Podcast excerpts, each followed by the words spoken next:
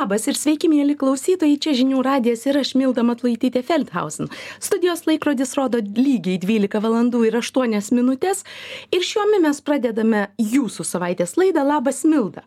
Prasidėjo trečioji kalendorinė metų savaitė, sausis su savo juodosiomis kilėmis lyg ir persirito į antrąją pusę, na, aš skubu jums pristatyti pristatyti šios dienos svečią politologą profesorius o profesoris optimi titulo savininką docentą daktarą mažvydą jastramskį. Laba diena mažvydai. Laba diena jau iš anksto dėkoju jums už visus klausimus mano studijos svečiui. Juos kaip visuomet galite užduoti mums mobiliojoje pro programėlėje arba skambindami į studiją. Mūsų studijos telefono numeris yra aštuoni penki du keturi trys vienas keturi trys vienas. Dėkoju jums kad esame kartu gerbiamas docente šiandien pasikviečiau jus pasikalbėti rimtomis politinėmis temomis tačiau joms panašu teks šiek tiek lukterti e, pirmiausia į ką patekau šiandien ryte savo e, na savo nuostabiajame feisbukiniame burbule buvo ir vėl skėriai Svirpliai. ir e, skėriai? Panašus gyvūnai. Atsiprašau, taip. Ir net išgelbėtojo Dnipro mergina iš tikrųjų mano, mano burbulė, kuris yra be galo sąmoningas, nukeliavo tik į antrąją vietą. Um, visi šitie skandalai, na, ypač su, su, su, su vabžiais. Kas tai yra normalus susirūpinimas savo mytybą, ateities gyvenimo būdu, ar ka, kas tai yra? Na, aš man sunku pasakyti dėl to, kad, žinot, kai žmonės kalba, iš dėl ko jie taip kalba, negali taip tarsi paprastai nus, nuspręsti. Bet aš galvočiau, kad vienas dalykas taip, tai ką jūs sakote, tokie klausimai, kurie liečia, ką žmonės, na, valgo, kad dedasi į save, ar ne, nu, tai pakankamai yra arti labai būties mūsų gyvenimo, tai natūraliai sujautrina, ar ne tam, ką tu gali, nu, sakykime, labai paprastai su kuo susisieti, ar ne, kaip tai tau kažkokią tą įtaką įtaką, kaip tu įsivaizduoji ar neįsivaizduoji daro. Aišku, iš kitos pusės, na, kadangi šitoje vietoje mes pradedame kalbėti ir apie institucijas, ar ne, čia su Europos Sąjunga, Europos komisija, ar nes kažkokie tai tie sprendimai galbūt, nu, atsiranda galbūt va, toksai ir uh, į, iš, išsiš, išsišaukia kažkokio konspiracinio mąstymo. E, tos, tos tokios linijos, žinokit, kurios yra, nu, taip pat koreliuoja, ten COVID kažkoks, tai ir ne, čia vėl mums bando maistą kažką tai pakeisti visuotinę vakcinaciją ir to konspiracinio mąstymo pastaraisiais porą metų jau labai stipriai šiaip padaugėjo ir ne vien Lietuvoje. Ne vien Lietuvoje. A, aš a, būtent ir tikėjausi tokio jūsų atsakymo ne apie maistą ne apie mitybą ne apie susirūpinimą savo ateities gyv ateities gyvenimo būdu bet apie konspiracijas apie sąmokslo teorijas apie galiausiai lietuviškąjį skandalą ir aš norėsiu kad mes šiandien šiek tiek jį paanalizuotume ir paklausiu jūsų ar mes kaip tauta nors jūs ką tik paminėjot kad tai yra ne vien išskirtinai lietuvoje bet daugybė skandalų lietuvoje vyksta išskirtinai lietuvoje. Ar mes esam išskirtiniai skandalų gamintojai? Nes na man susidaro kartais toks įspūdis kas kad tas skandalų konvejeris jisai niekuomet nesustoja sukęsis ir ir mums reikia po per dieną bent jau po vieno skandalo o dar geriau būtų dviejų. Kodėl taip yra aš nemanyčiau kad lietuva yra kažkuo tai išskirtinė šitoj vietoj nes nu tai mes darytumėm prielaidą kad mūsų valstybėje yra kažkas nutikę tokio kur kad susiklostė tokie sakykime socialiniai santykiai tokios tradicijos polinkis kur nėra niekur kitur ar ne mhm. tai jeigu mes galim šiek tiek vat grįžt kalbėt apie vat polinkį konspiracijos teorijas ta prasme tai man čia iš karto profesorės ainės ramonaitės tyrimas toks visai gana naujas kuris buvo publikuotas viename moksliniame žurnale tarptautiniame beje kuriame jinai labai aiškiai parodo kad lietuvoj pavyzdžiui polinkis tikėti kovido pandemijos konspiracijos teorijos nu pavyzdžiui kad yra visuotinis planas pasaulyje visus suskiepyti labai pas mus stipriai koreliuoja su žmogaus požiūriu į sovietmetį kitaip tariant prosovietinės pažiūros. Ir čia pavyzdžiui yra skirtumas nes tarkim vakarų europoj žmonės kurie yra linkę labiau tikėti konspiracijos teorijom jie tuo pačiu yra linkę pavyzdžiui balsuoti balsuoti už populistinius politikus. JAV irgi yra panašiai, bet tenais, kadangi yra na, ta tokia dvipartinė sistema ir Donaldo Trumpo veiksnys, ten, sakykime, konspiracijos teorijos yra labiau paplitusios tarp respublikonų rinkėjų. Bet mes visur matome tam tikrą dalyką, kad konspiracijos teorijos, tas mąstymas, jisai siejasi su tam tikrom, sakykime, ir politiniam požiūrom ir specifika tam tikros valstybės. Tai, kaip sakant, tokios specifiškumo yra, bet e, bendriau tendencija sakykime yra pasaulinė nu kitas dalykas nu vėlgi mes negalima neigti socialinių tinklų. Žmonės kiekvieną dieną įsijungia feisbuką sakykim ar ne ir ten visą laiką yra nuolatos srautas ar ne kažkas parašo norisi reaguoti ir taip toliau. Tai toks informacinis triukšmas ir sakykime kažkiek galbūt ir toks šiukšlynas sakykime kur visi nori vat nu numest kažką tai pakelti. Aš sakyčiau kad yra bendros bendros sąlygos ir čia nėra kažkaip taip tiktais lietuviam būdinga bet kas yra lietuviam būdinga labiau sakykime negu vat na jūs esat susipažinus ar ne su vakarų europa mum mum yra e, būdingas žymiai mažesnis pasitikėjimas savo institucijom. Visų pirma tai politiniam bet nemaža dalimi ir teisėsaugos ar ta pačia meinstrymine žiniasklaida jeigu taip galima vadinti. Tai va čia vėlgi tie skandalai jie gali atsirast ir atsirasti kai žmonės tiesiog nepasitiki institucijom kurios pateikia tam tikrą informaciją arba na žiniasklaida ar ne kurią jie atvertina atrenka faktus ir taip toliau Mhm.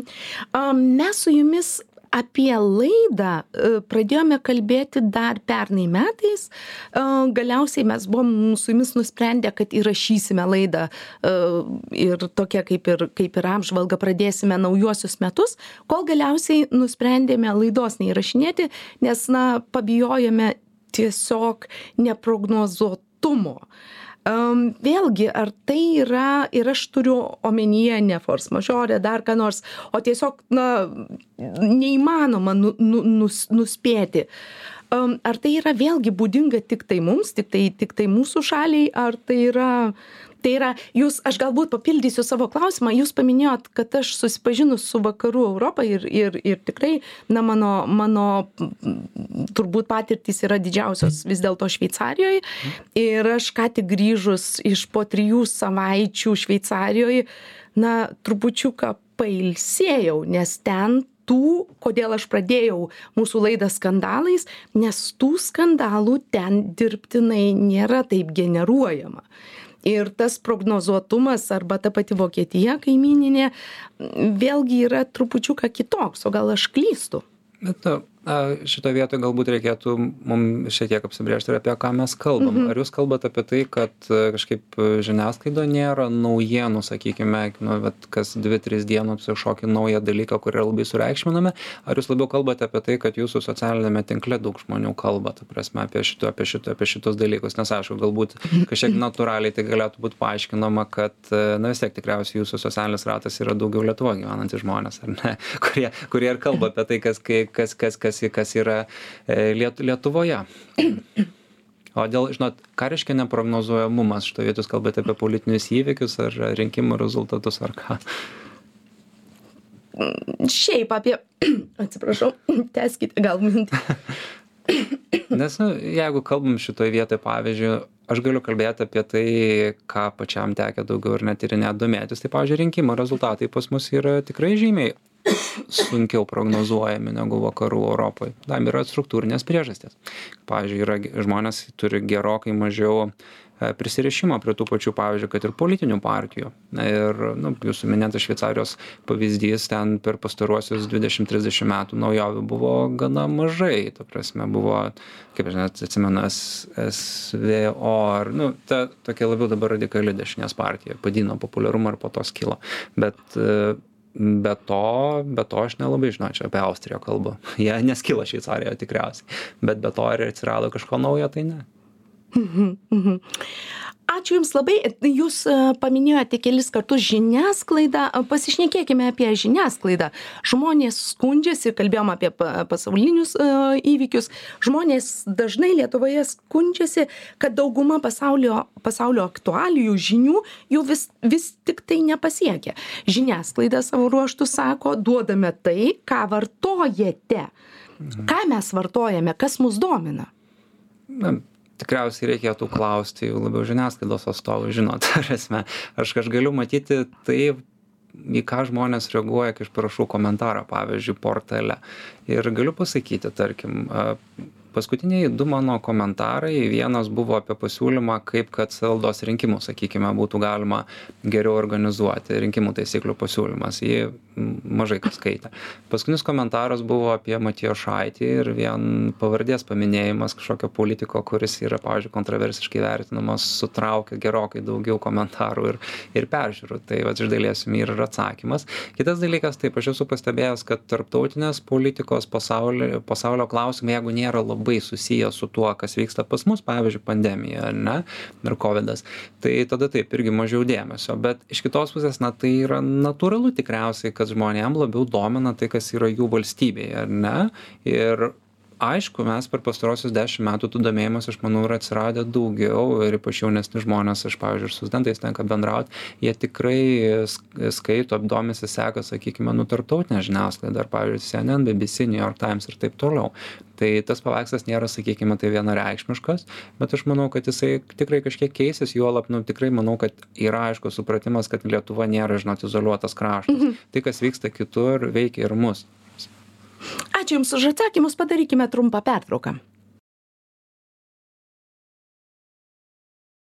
Grįžtame į studiją. Antroji laidos dalis ir su politologu docentu daktaru mažvydu jastramskiu toliau kalbame apie lietuvos politinę padangę. O aš jums iš anksto dėkoju už visus klausimus. Skambinkite aštuoni penki du keturi trys vienas keturi trys vienas arba rašykite mo mobiliojoje programėlėje gerbiamas docente sakykit ar mes esam brandi politiškai politiškai brandi visuomenė?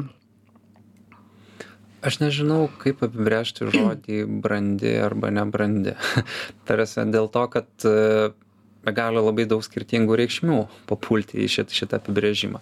Mes galim kalbėti kad brandus yra tai kai yra susiformavusios sakykime tam tikros politinės partijos jų palaikytojai žmonės daugiau mažiau nu daugiau mažiau sakykime vidutiniškai linkę yra pasitikėti institucijom ar ne?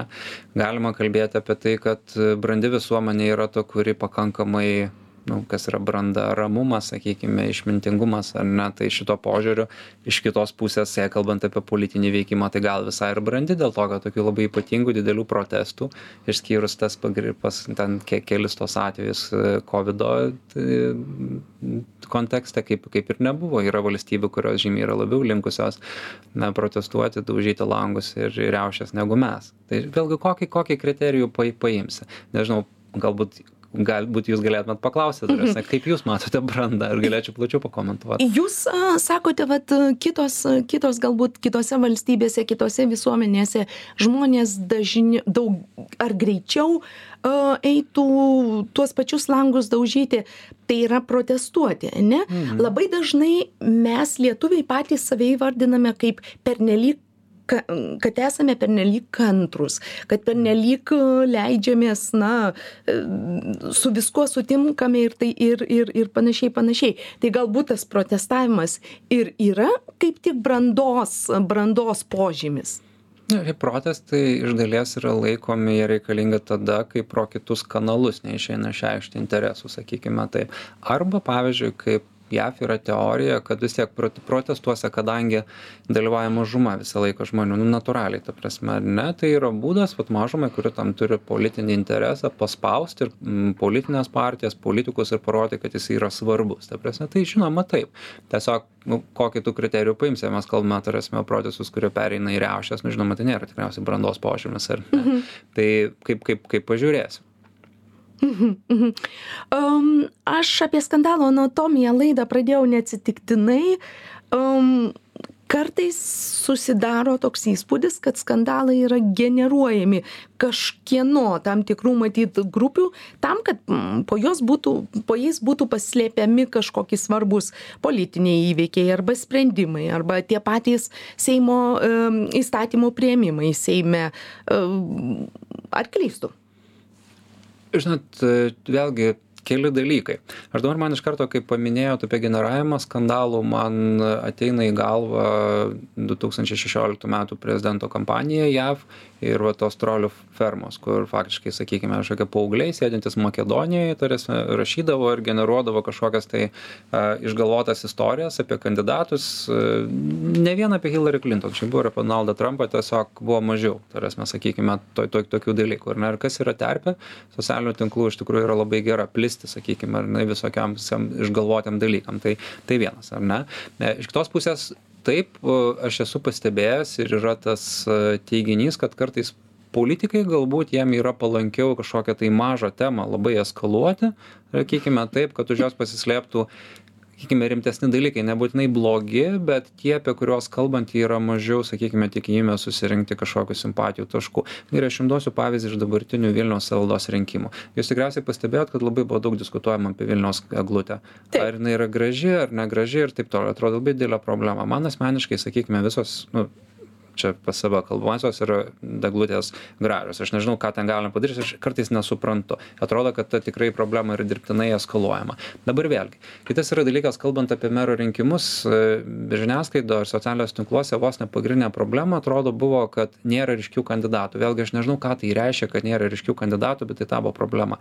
Bet yra vilniuje tokių problemų kurios m temų kurios yra visiškai nepaliečiamos nors per pastaruosius metus karo kontekste atrodo tai yra labai labai svarbūs dalykai. Ir vien ir vyriausybės ir savivaldos. Nu faktai dabar dalykas yra toks sakykime taip ką jūs žinote apie civilinę saugą vilniuje ir apie slėptuves tikriausiai nelabai ką. Tikrai nelabai ką. Bet tai, mhm. sutikime, yra labai svarbus dalykas, sakykime. Čia viena iš tų temų, kurios e, jūs sakote, kad jos yra apie visai tai, neliečiamos. Apie tai niekas nekalba, nekalba bet mhm. priežastis, aišku, yra tai, kad mažai kam įdomu, turėtų būti įdomu. Mhm, mhm, mhm. Mes vis dar tikimės, kad karas praeis pro šoną aš nežinau tik tikimės ar ne nes tikim aš tikrai tikiuosi ta prasme kad ukrainiečiai sustabdys rusiją su visa vakarų ir mūsų pagalba bet faktas yra tai kad e, me jau beveik metai jisai vyksta mes esame faktiškai pasienio valstybė dėl to kad iš baltarusijos judėjo pajėgos į ukrainos teritoriją o vat mes esame kalbėję ir su kolegomis o informacijos apie tai čia ir nacionalinės valdžios ir savivaldos klausimas apie tai ką mum reikėtų daryti. Jeigu pavyzdžiui pas mus būtų karas ką tu turė ką reik turėtų daryti sakykim eilinis pilietis mes jos neturim mhm. kokios kitos dar temos būtų apie kurios apie kurias mes nekalbame? Nu šiaip jau pavyzdžiui kalbant apie galima būtų daug ką kalbėti sakykime ir taip aš nebandau nupiešti šitoj vietoj ir nedarykime to paveikslo kad Mhm. lietuva yra kažkokia problemų kamuojama valstybė. Problemų turi visos šalys ta prasme lietuva yra pakankamai išsivysčiusi. Pavyzdžiui sakykime mūsų a, yra toksai human development index žmogaus socialinės raidos indeksas kuris matuoja tokius dalykus kaip sakykime kiek žmonės pri priima prie švietimo ar ne kiek žmonės praleidžia mokyklose kokia yra vidutinė gyvenimo trukmė ir taip toliau. Tai lietuva yra labai aukštoj vietoj. Ta prasme tame indekse. Nėra top dešim bet e, jos yra klasifikuojama kaip labai aukšto išsivystymo valstybė. Bet aišku yra yra problemų kurios turėtų būt sprendžiamos. Nu pavyzdžiui gerai nu švietimo sistema ar ne sakykim sakykime taip. Tai ten tikrai yra yra yra problemų sakykime taip ar ne mokinių rezultatai. Apie tai daug labai nekalbama vien dėl to kad tai nėra tema kuri nu pasakysiu taip banaliai it's not sexy ta prasme ar ne pavyzdžiui svirpliai yra yra yra apie ką kalbėt ar ne visi lyg niekas beveik labai nesupranta apie ką kalba bet nu lyg ir supranta kad čia svirplius valgyt reikia ir taip toliau na socialinė sakykime ekonominė nelygybė irgi yra dalykas sakykime jų tų problemų yra daug bet dažniausiai kalbama yra apie tai apie ką yra paprasčiausia kalbėti tiesiog paprasta yra Mhm. E, Pirmai jūs užsiminėte apie Vilniaus eglę Taip. um, kaip simbolį. Eikime prie simbolių. Ką tik minėjome sausio 13-ąją. Sausio 13-ąją ir vėlgi neužmirštuolė kelianti, kaitinanti aistras, e, vėlgi skandalas, šeima maršistai. Aš nesakyčiau ten skandalas, kodėl mes taip sureikšminam taip. Aš tiesiog jūsų noriu paklausti, jūs dabar irgi vat, užduoda tą klausimą, man lyg tai būtų labai labai svarbus dalykas, kodėl mes taip kreipiame dėmesį į tai, kad keli kažkokie, atsiprašau, tavrasme, politinės nei politinės nei jokios kitos moralės sakykime ir kažkokios elementarios emo elementaraus emocinio intelekto neturintys žmonės nes atsiprašau kas galėtų ta prasme mindyti kažkokią ar nesvarbu kokie simboliai bet gėles kurias uždėlioja ta prasme nu mokyklinukai. Nu tai kodėl mes kalbam apie tokius žmones lyg jie būtų kažkokia tai nacionalinė problema? Ta prasme taip tai yra negerai ta prasme tai yra blogas pavyzdys bet aš manau kad tai yra tiesiog visiškai vienetų kažkokių visuomenės politinių ir socialinių paribių problema ir mes neturėtumėm to sakykime nuolat vat e, pateikti kaip svarbiausio dalyko Mhm. na aišku čia yra platesnis tas neužmirštuolės dalykas nors tikrai retas ir kaip sakau čia jau tam tikrų manau turi nu daug ko nesupras šiaip sakykime labai kad ir taip taip daryti bet aišku yra nu platesnis dalykas kad neužmirštuolė ją kažkaip labai susieja su tam tikrom politinėm pažiūrom buvo išsitraukta vėlgi grįžkime prie temos ta konspiracijos teorija kad čia kažkoks tai masonų simbolis na ir ir ir taip gavosi kažkokia tai reakcija ją yra. Bet aš sakau nu tų visų marginalų nesureikšminkim tiek ne neverta jiem skirt tiek dėmesio mes pa mes patys tada da tą ir darom ta prasme tuos kažkokius skandalus iškeliam ir juos padarom jie nacionalinės svarbos būtų. Ačiū Jums, padarykime trumpą pertrauką, o po pertraukos kalbėsime žinoma apie rinkimus. Grįžtame į studiją, trečioji laidos dalis, o studijoje vieši docentas daktaras Mažvidas Jastramskis. Mm, prieš pradėdami kalbėti apie rinkimus, įvardinkite pernai metų svarbiausią politinį Lietuvos įvykį. pernai svarbiausias lietuvos politinis įvykis ir ir pats liūdniausias politinis įvykis įvyko ne lietuvoj ta prasme realiai ar ne ta prasme ukrainos e, karas rusijos karas prieš ukrainą iš tikrųjų viską užgožė ir buvo svarbiausias dalykas ir po to lietuvos parlamento veiksmai ar ne diskusijos apie gynybą tai be to šiaip e, sunku iš tikrųjų kažką yra daugiau pasakyti ir tai yra normalu normalu ta prasme tokioj situacijoj tai aš šitą ir įvardinčiau Mhm. O kokie politiniai metai laukia Lietuvos? Nu tai žinot tai dabar mūsų bus svarbu iki kovo pabaigos valdybių tarybų rinkimai e, ir ir rinkimai į merus. Tai dabar čia gyvensime porą mėnesių tuo ir na be abejo po to tarkim bus įdomu ypatingai vilniuje sakykime kaip naujai išrinktas meras nes turėsime naują merą tvarkysis kokia bus valdančioji dauguma. A po to po to iš tikrųjų na vėlgi aš matot aš visą laiką apie rinkimų ciklus galvoju dėl to kad tai yra mano na specializacija aš daug apie tai ir ir domiuosi ir ir dėstau su rinkimais susijusių temų. Tai aš galvoju apie tai kad tai bus tokie pasiruošimo metai du tūkstančiai dvidešim ketvirtiems kai mes turėsime ir seimo ir prezidento ir dar nu europos parlamento Euro- rinkimus taip. kurie yra mažiau svarbūs bet tris svarbius rinkimus per metus vat aš galvoju kad nu mes vis daugiau kalbėsime apie tuos galimus kandidatus ir tikėtina kad vat ruošiantis tam ciklui daugės dar daugiau šiaip iš tikrųjų konfrontacijos sakykime tarp pozicijos opozicijos gali pradėt iškilt ir daugiau skandalų dėl to kad nu yra taip kad jeigu pavyzdžiui kažkas kažką tai yra numatęs prieš rinkimus tie dalykai dažniau įvyksta rinkimų ciklo pabaigoj Mhm. Už tų poros mėnesių kokius, kokius merus a, rinksime? Jaunus, gražius, daug žadančius ar atvirkščiai Tuos stovinčius? tuos pačius Tuos pa- tuos pačius e, praėjusiuose rinkimuose buvo perrinkti trisdešim devyni iš šešiasdešimties tai iš eigos daug žmonių balsuos tiesiog už tą merą kurį pažįsta sakykime taip. Ir tai nėra naujovė taip kiek aš esu nagrinėjęsis ta prasme perrinkimas daugelį rinkimų savilai buvo buvo didelis sakykime taip. Čia pa paprasta paprastas yra toksai kriterijus. Aišku dalis žmonių žinokit visą laiką ir savivaldos rinkimuose balsuoja šiaip pagal savo politines simpatijas. Pavyzdžiui žmonės kurie balsuoja už konservatorius yra liberalių pažiūrų jie vis tiek rinksis iš tokių kandidatų. Ta prasme tai kažkiek svarbu irgi savivaldos rinkimuose aišku asmenybė irgi yra svarbu. Normalu kad rinkimuose kuriuos tu biuletenį ateini ir padedi sakykime kryžiuką už vardą pavardę konkrečią asmenybę yra svarbu ir vat pavyzdžiui mykolo majausko ėjimas į rinkimus tai labai aiškiai pademonstruoja. Ta prasme tai kad žinomas politikas sakykime vat pastaruoju metu buvęs dėmesio centre nacionaliniam lygmeny jisai susilaukia daug dėmesio ir gali šiaip iš tikrųjų turi ir tikimybių ir į antrą turą patekti. Gal net laimėt nežinau Mhm. Jūs pats a, esate universiteto dėstytojas, turite daug, daug kontaktų su jaunimu. Kaip jaunimui išaiškinti kad jo balsas lemia kaip jaunimą motyvuoti eiti į rinkimus na žinot šitoj vietoj aš turiu būt e, sąžiningas ir pasakyti taip kad individualų žmogų motyvuot eit į rinkimus ir kad jo balsas lemia yra iš tikrųjų labai sunku nes vieno žmogaus balsas nieko nelemia. Ir tikimybė paskaičiuot kad jūsų vienas balsas nulems rinkimų rezultatą ir vieną kitą pusę yra tokia maža kad netgi yra teorijos kurios sako kad į rinkimus eiti nebūtinai racionalu nes reikia atsikelt nueit kažkur tai domėtis pagaliau už ką balsuot o tai ar tu nueisi ar nenueisi re rezultato nekels. Aišku ta prasme čia tas atvejis kai individualus žmogaus racionalus mąstymas gali lemti ta prasme galų gale blogą rezultatą visiems tokia kolektyvinio elgesio dilema. Tai be abejo aš su jumis sutinku kad balsuoti balsuoti reikia.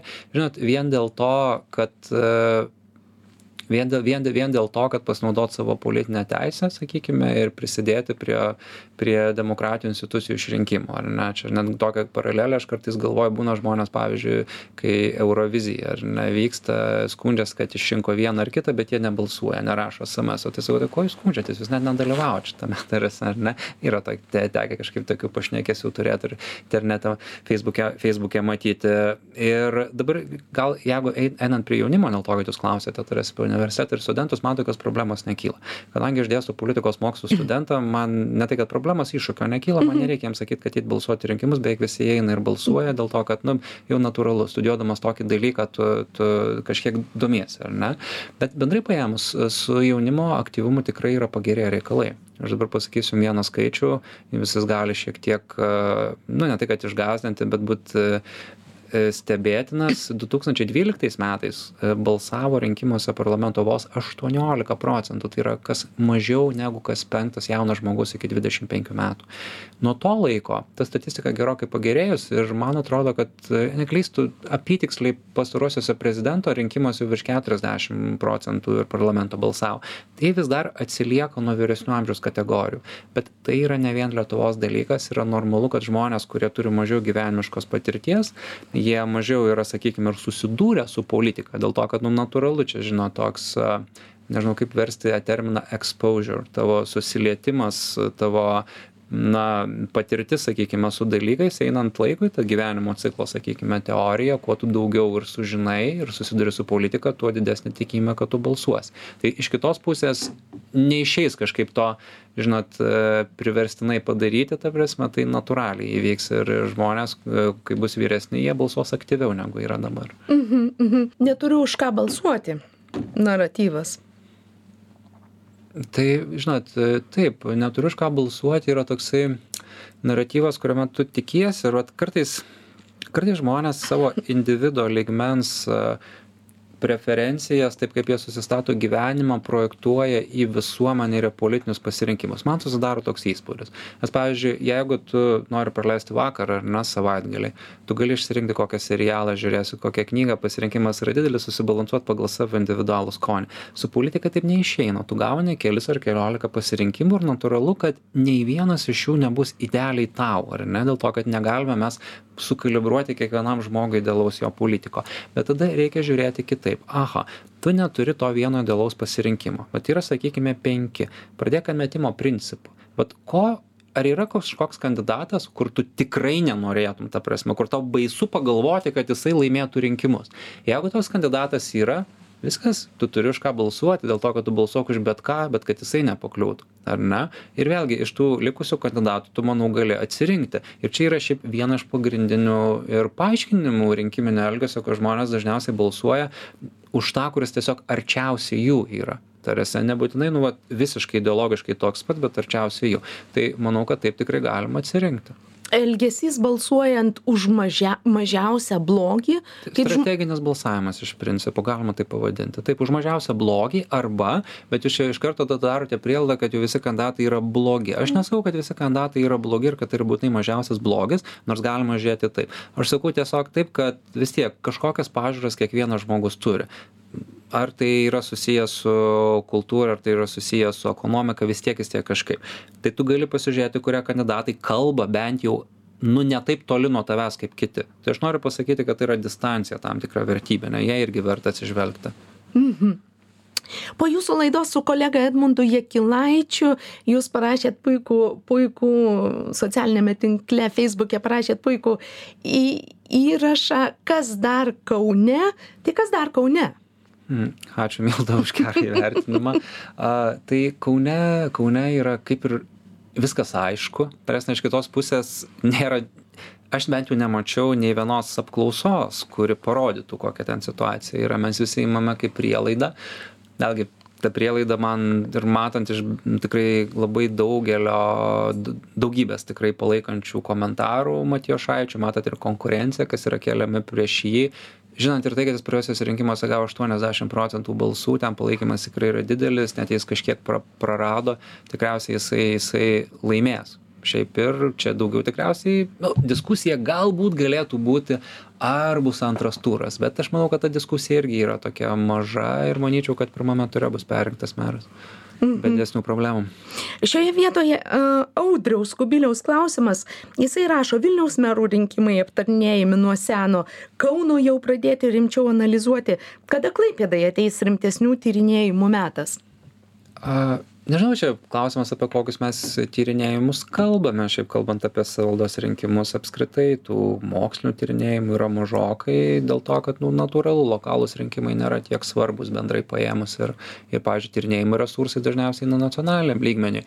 Bet vėlgi natūralu tikriausiai kad e, mes kalbame daugiausia apie didžiausią miestą antrą pagal dydį ir dabar kažkiek tai šiek tiek apie apie apie klaipėdą. Bet žinot čia šiaip šitą klausimą reikėtų užduoti yra klaipėdos universitetas yra jo politologai jie ten tą situaciją tikrai geriau mato. Tai audriau turėsime paklauskite turėsime tų žmonių kurie na su politikos mokslais dirba klaipėdos universitete tai jie tikrai geriau žinos negu aš Mhm. Ir vis tik sakykit, prašom, ko šiandien, ko rink, šiandienos rinkėjas tikisi iš politiko? Įvairiausių nė nėra tokio dalyko kaip Nėra? ri- ri- vienas rinkėjas ko jisai tikisi ta prasme. Nes tikriausiai vat mes dviese sėdėdami jeigu mes pradėtumėm kalbėti ko mes tikimės iš politikų jau kažkiek skirtųsi ar ne? Nu jūs sutinkate su tuo. Taip, taip, tai taip. tai tada žmonės kurie turi kažkokias kitas e, gyvenimiškas patirtis e, politines ar kitokias ta prasme bus įsivaizduos įsivaizduos ki kit kit kitaip na aišku tos žinot savybės mes esame uždavę rinkiminėse studijose tyrimų a ko norima iš politikų kokių asmeninių savybių. Nu žinot ten tokios bendražmogiškos kas patikimas sakykime būtų ar ne sakykim atsakingas ir ir taip toliau. Tai nu asmeninės savybės iš politikų faktiškai tikimasi to paties ko tu tikėtumeisi sakykim iš savo kolegos darbe sakykime ar ne taip Mhm. Um, bet vis dar labai dažnai susidurime su nuomonė, kad lyg ir eina rinkti ir sako, ai vis tiek čia aš nieko nesitikiu, vis tiek čia niekas nepasikeis. Tai reikia klausti, kas pasikeis. Ar esame čia būtent, ar esame, ko žmogus nori, kad keistųsi. Ar mes galime pasakyti, kad tikrai niekas nepasikeitė nuo to, kad buvo ši valdančioji dauguma ar ne. Nu, taigi pasikeitė, ta prasme, pavyzdžiui, nu, skirtingai negu anoje kadencijoje mes, pavyzdžiui, dabar yra labai daug diskusijų apie tą pačią dekriminalizaciją ar tos pačios lyties partnerystės. Tai pasikeitė, mes dabar kalbam apie tai, nebūtų, sakykime, Laisvės partija šimtai parlamento, tikriausiai mes mažiau kalbėtumėm apie tai. Dalykai keičiasi. Iš kitos pusės, kalbant apie socialinį ekonominį šalies modelį, sakykime, tai, nu, pavyzdžiui, paprastai, sakykime, kiek mes lėšų skiriame mokykloms, ligonėms, viešajam sektoriui ir, ir tai bendrai paėmus. Šitie dalykai keičiasi iš tikrųjų gana nedaug. Bet dabar kodėl tai vyksta. Nu partijų platformos yra ganėtinai panašios bet iš kitos pusės nu ir žmonės sakykime nebalsuoja pagal tas pažiūras už skirtingas partijas. Tai nu čia yra daug priežasčių ir aš suprantu ką jūs sakote ir aš tikrai žinau kad daug žmonių ir beje šitas dalykas koreliuoja žinau iš apklausų kad kuo labiau žmogui atrodo kad e, kad priklausomai nuo to kas yra valdžioj niekas nesikeičia tuo yra mažesnė tikimybė kad jis eis balsuoti tiesiog. Tai vat čia pridedant prie to noriu pasakyt kad tie žmonės kuriem atrodo kad niekas nesikeičia jie šiaip realiai retai labai ir balsuoja Mhm. Dėkoju Jums už atsakymus, padarykime trumpą pertrauką. Po pertraukos grįžtame į studiją ketvirtoji ir paskutinė mūsų laidos dalis. Na, o studijoje vieši docentas, e, daktaras, politologas Mažvydas Jastramskis. E, Mes nebaigsim laidos, žinoma, nepaminėję konservatorių. Giedrius Garbinčius klausė, ką rinkti buvusiam konservatorių rinkėjui, jeigu, jeigu dabartinė konservatorių vykdoma politika nebetenkina. aš nežinau kokia politika jo netenkina o čia yra problema čia lyg kaip ir su sąvoka brandi visuomenė nieks nesikeičia keičiasi politika aš galėčiau spėti kad galbūt galėčiau spėti ar ne kad žmogų netenkina tai kad konservatorių šeimos politika ir bendrai socialinis liberalumas yra gerokai pasislinkęs į tą liberalumo pusę nuo du tūkstančiai aštuntų metų sakykime taip. Ir jo netenkina tai kad konservatorių partija realiai labiau dabar savo nu bent jos parlamentinę frakciją primena vidutiniškai tokį liberalkonservatorių iš olandijos ar jungtinės karalystės negu kad konservatorių kokio nors nu tikrą kon kri krikščionį demokratą labai jau konservatyvų. Tai už ką balsuoti? Tikriausiai jam reikia pasižiūrėt kažkokias alternatyvas dešinėje yra taigi tų maž mažesnių partijų, kurių galbūt e, na, platforma, programa jam tiks. Žinot, mm. kiekvienas žmogus turėtų balsuoti pagal savo politinės pažiūras ir aš nematau tame nieko blogo. Mm. Aš jau konservatoriam kitaip atrodo. Mm. E, pratęsiu dar jo klausimą. Jisai sako, kad renkamės iš to, ką pasiūlo politikai, norisi naujesnių vaizdų ir priduria, kad galbūt, na, iš tiesų nėra ką, ką rinkti. Mm tai jeigu jam norisi naujesnių vaizdų tai visą laiką jų galima e, pačiam.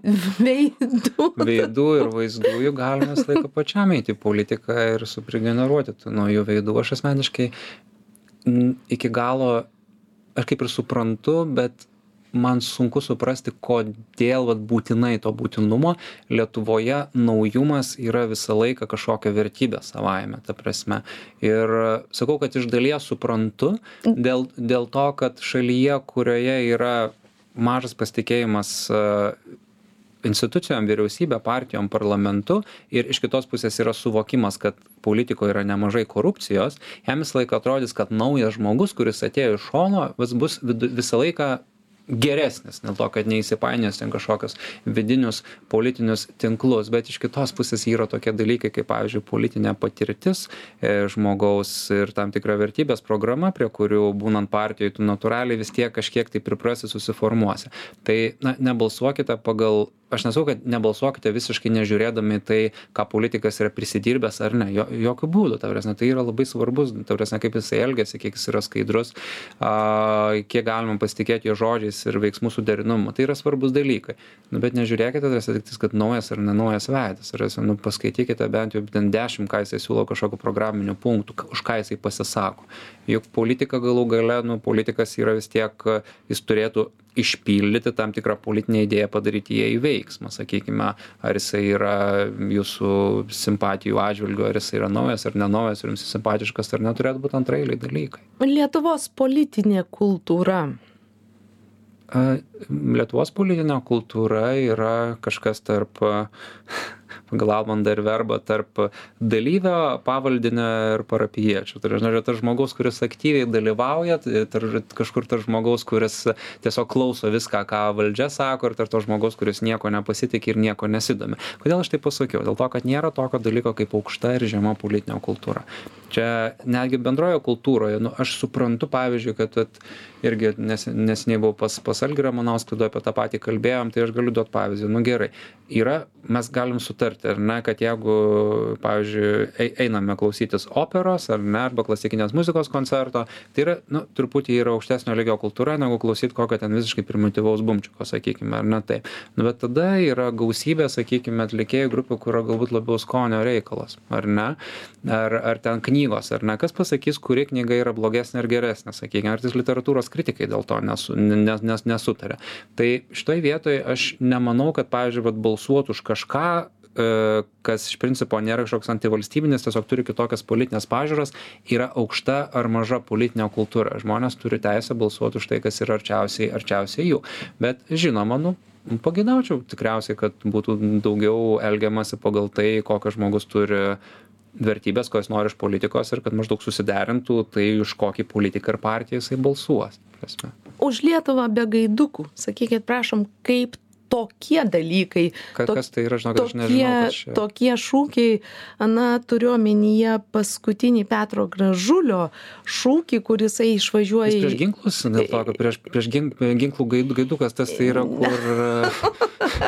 ta prasme ša šaudyt ta prasme reikia aš nesuprantu ta prasme tai petras gražulis realiai tai perima iš iš jav politikos ir jisai kaip sako nu gan kontrol poli policy ir ką jisai daro. Aš suprantu ką jūs sakot tokių būdavo ir anksčiau nežinau ar jūs atsimenat buvo ir vilniaus savivaldos rinkimuose nepasakysiu ar septintais ar vienuoliktais ten irgi kažkokie kraštutiniai dešinieji lietuva be raudonų be žydrų ir be ten taboro taip toliau taip toliau. Tai tokių vis pasitaiko. Tai yra žmonės kurie tikrai visiškai nesupranta šioj vietoj. Tai jau net ne politinės kultūros tiesiog bendrai kultūringumo. Ta prasme klausimas korektiškumo. Ta prasme kaip tu leidi kalbėti apie kitas apie tas gru grup grupes. Tai jo galų gale nu petras gražulis šiaip dėl kitų priežasčių bet tai tikrai yra gana nepopuliarus politikas lietuvoje tai neverta čia labai kreipt dėmesį tai ką jisai kalba. Bet jis vis tiek bus išrinktas. Gargžduose tikriausiai dėl bet ten dėl kitų dalykų. Yra įdirbis jo lokalus su rinkėjais tiesioginis kontaktas ta prasme ten nežinau jisai dovanas jam neša ar ką bet bet jisai perrenkamas yra gargžduose ne dėl to kad jisai yra prieš lgbt o dėl to kad jisai tiesiog tenais labai yra gerai įsitvirtinęs ir turi savo bazę. Mhm. um, buvęs kariuomenės vadas tutkus uh, pacituosiu jei tave neramina lgbt diegiamas vaikų seksualinis auklėjimas mokyklose tačiau jautiesi bejėgis žodžiu ateik ir rink mane na tai yra iš tikrųjų visiškas melas e, Taip, plus. Šita, Bet jisai funkcionuos rinkimuose. Nu, ką reiškia funkcionuos? Kaip manot, kiek jisai gaus balsų? Nu, atspėkit, ta prasme, sakykit procentą, pusę, 0,3 šitas žmogus jisai akivaizdu kad jisai nesupranta net į kokius rinkimus įeina. Dėl to kad tie dalykai apie kuriuos kalba net jei jie būtų tiesa tai būtų nacionalinės švietimo politikos dalykas tai yra vienas. Antras dalykas jeigu žmogus einantis į rinkimus jam yra pagrindinė vilniuje problema kad ten yra viena kažkokia perėja vaivorykštės spalvom. Tai aš tada pasakysiu reiškia kad mes labai labai gerai gyvenam. Labai gerai gyvenam. Puiku mm. nėra problemų reiškia vilniuj jokių. Ir aš manau kad kitas rinkėjas net jeigu jisai sutiktų su tuo vat ta požiūriu jis labai akivaizdžiai matys kad šitas žmogus ta prasme tiesiog nešneka apie tai kas tam žmogui rūpi. O žinot savivaldoje ta prasme penkiasdešim kartų didesnė šiaip žmonėms problema negu kad nes spalvos ant perėjų šiaip yra pavyzdžiui parkavimo vietos arba viešasis transportas. Nu tai tai tokie kandidatai tiesiog to visiškai neišmano. Tikriausiai ir tiesiog kalba vat vat kas atrodo paprasčiausia sukurt konfliktą šioj vietoj. Klausytojas darius klausia kodėl lietuvoje atrodo kad yra nepajudinami lyginant su anglijos parlamentu ar kitais vakarų europos valdžių institucijomis. Dėkoja už už atsakymą. Nelabai aš suprantu klausimo nepajudinami nežinau a iš tikrųjų galbūt čia kalbama apie tai kad tam tikri politikai yra nuolat perrenkami tai tada vis dėlto ne ne neteisinga prielaida aš atsiprašau labai bet reikia tada ją pataisyti. Dėl to kad lietuvoj parlamento kaita yra didesnė negu bet kurioje kitoje vakarų valstybėje. Esu dalyką daręs ir praėjusiuose parlamento rinkimuose mažiau buvo naujų politikų bet prieš tai pavyzdžiui kai valstiečiai laimėjo tai buvo penkiasdešim procentų ar daugiau žmonių kurie prieš tai nebuvo išrinkti. Ta prasme tai vidutiniškai pas mus kaita yra didesnė ir pavyzdžiui jungtinės karalystės parlamentą nenoriu sumeluoti bet yra perrenkama jei neklystu kažkur apie septyniasdešim daugiau procentų tų pačių parlamentarų. Tai kitaip tariant ta prasme kaip tik tenais yra šiaip labiau pa sunkiau pajudinama o pas mus šiaip kaitos yra labai didelės. Ir šiaip sakyčiau kad lietuvoj galbūt net didesnė problema yra būtent ne tai kad tie patys visą laiką būna bet yra labiau problema ta prasme kad yra labai didelė pasiūla ir išrinkimas naujų politikų kurie po to porą metų tiesiog bando susiprasti kas yra parlamentaro darbas ir kas yra politika ačiū jums e, klausytojas darius dar tik patikslino kad turėjo omenyje skandalus bet mes turime jau baigti laidą. Gerbiamas docente nuoširdžiausiai dėkoju jums kad atėjote šiandien pas mus į studiją. Mieli klausytojai ačiū jums kad esate su žinių radiju ir laida labas milda. Čia buvo politologas docentas daktaras mažvydas jastramskis ir aš milda matulaitytė feldhausen. Ate iki